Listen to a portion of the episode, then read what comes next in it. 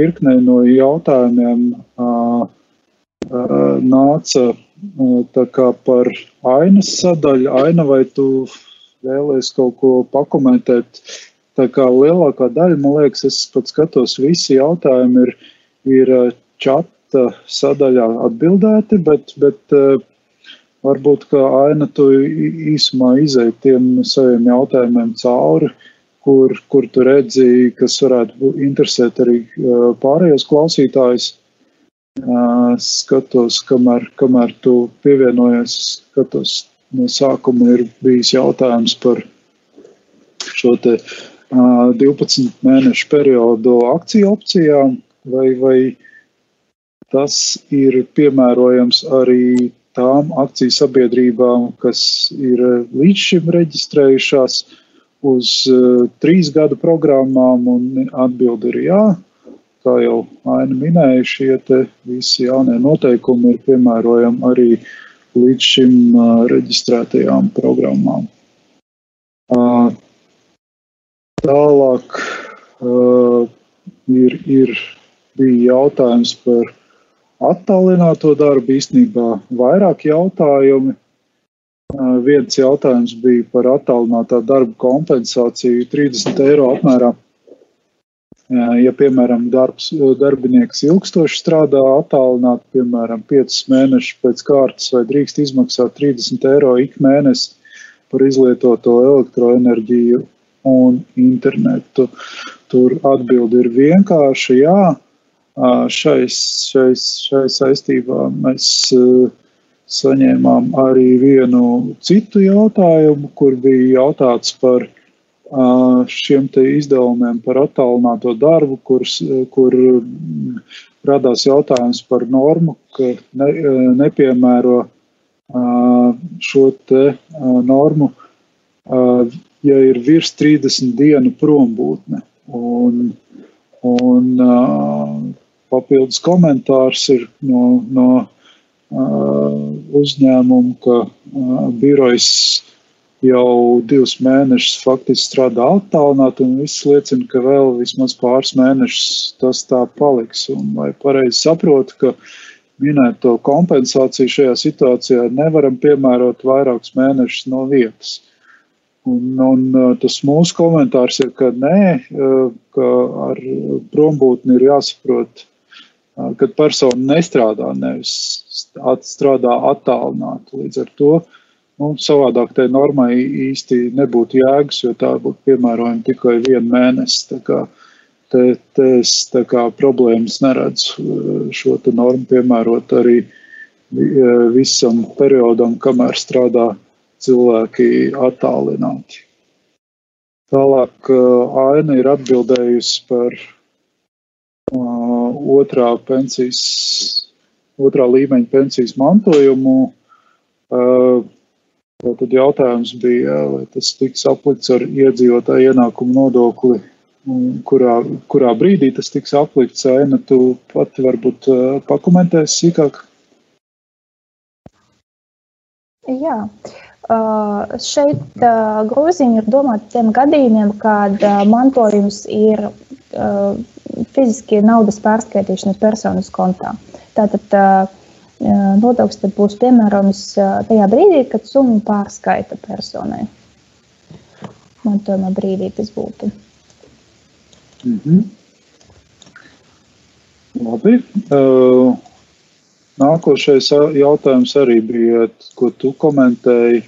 Uh, jā, nākošais bija par vairākiem darba devējiem. Uh, ja persona strādā pie vairākiem darba devējiem un viņš vēl ir pašnodarbinātais.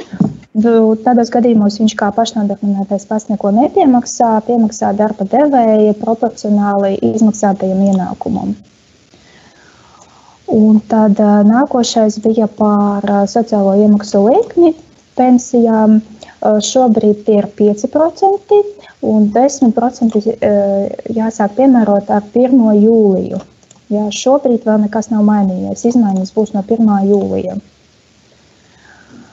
Tālāk bija jautājums, ja persona ir uz pilnu laiku nodarbināta un ir statistiskās darbības veicējs, vai arī tām personām jāmaksā sociālās iemaksas no autora atlīdzības. Uh, ir tā, ka šo sociālo iemaksu objektu skatās no visiem ienākumiem kopā. Un tad, ja tas uh, 1500 eiro netiek sasniegts, tikai tādā gadījumā jāpiemaksā. Un, ja jums ir vismaz viens darba devējs, tad šo piemaksu veids darba devējs. Ja ir vairāki darba devēji, tad viņi proporcionāli to sadala. Tad primāri, primāri tātad darba devējs maksā šo papildu sociālo nodokli. Tātad bija jautājums par komandējuma naudām. Komandējuma naudām joprojām uh, likumā ir šis atbrīvojums no nodokļa Tad, ja komandējuma naudas ir noteikti, noteiktajos apmēros, kā noteikumos jāskatās tie apmēri, un ja jūs pārsniedzat šos apmērus, tad tas ir ar nodokļu apliekams ienākums. Tāds bija šis jautājums par vienpusēju drošā patvērumā piemēriem. Tas ir transakciju jautājums. Daudz, tas nav ļoti tipiski Eiropā, bet citos pasaules reģionos valsts mēdz noteiktu vienpusēju normu, kā piemēram noteiktiem darījumiem tiek piemērota noteikta uzcenojuma marža. Jā, viņi to piemēro vienpusē tikai no savas valsts viedokļa, neņem vērā otrās valsts viedokli. Tas ir tas vienpusējais drošais patvērums. Tā, tagad vēl viens jautājums bija par MUN un izmaksām darbiniekiem. Par to mēs lūdzam personīgi sazināties, lai detalizētāk saprastu situāciju. Un tad bija jautājums par Brexit un A1 certifikātu. Uh, vai tas uh, joprojām turpina strādāt. Un šo jautājumu mēs uh, uzdevām arī sociālās uh, atrašanās aģentūrai.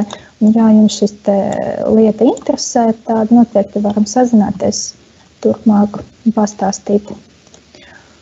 Tā, un pārējie jautājumi bija par muitu. Jā, tur, tur es pakomentēšu. Pirms tam Nu, skaidrs, ka A1 certifikātu regulē Eiropas Savienības regulas, kas vairs nav piemērojams uh, Lielbritānijai. Līdz, līdz ar to vien, vienīgi jāskatās, uh, to mēs uh, šobrīd mums nav tāda informācija, vai ir paredzēts kaut kāds īpašs īpaš izņēmums, kādēļ šī te, šī, šīs, šīs regulas būtu piemērojams. Pagaidām mums nav tādas informācijas, ka tāds izņēmums pastāv. Un tad ir jautājums par, par to, ka preču izcelsme ir Amerikā, preces ir importētas un muitas nodokļi samaksāti Latvijā, un pēc tam preces piegādā uz, uz Lielbritāniju. Vai Lielbritānijā būtu jāmaksā muitas nodokļi? Un atbildi ir, ka jā, jo, jo šī te prece atmuitojot to Latvijā, iegūst uh, Eiropas Savienības preču statusu un, uh, un līdz ar to tā būs uh, arī muitu, atmuitojama pēc tam Lielbritānijā importējot. Un vēl bija jautājums par, par importu no Lielbritānijas, kad vai ir tikai jākārto muitas deklarācija, vai arī jāmaksā muitas nodokli.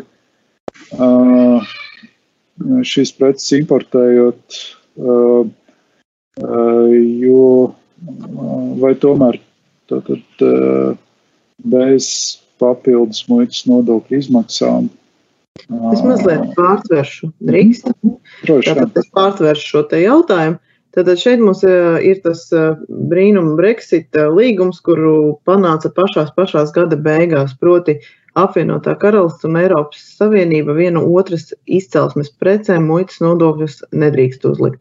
Proti, tādā gadījumā mēs skatāmies, kas ir šo preču izcelsme.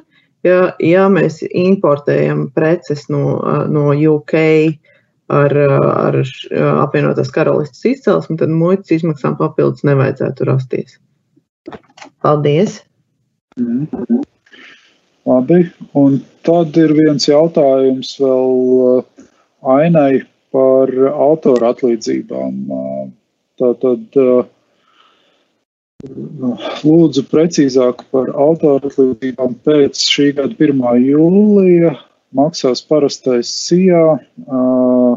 Interese no izmaksātāja viedokļa, ka brutto summa varētu būt gan virs 500 eiro, gan zem vai autoram nepieciešams reģistrēties eh, par saimnieciskas darbības veicēju par summām virs 500 eiro. Aina, tu par to, manuprāt, runāji, bet varbūt vēlreiz pakomentē.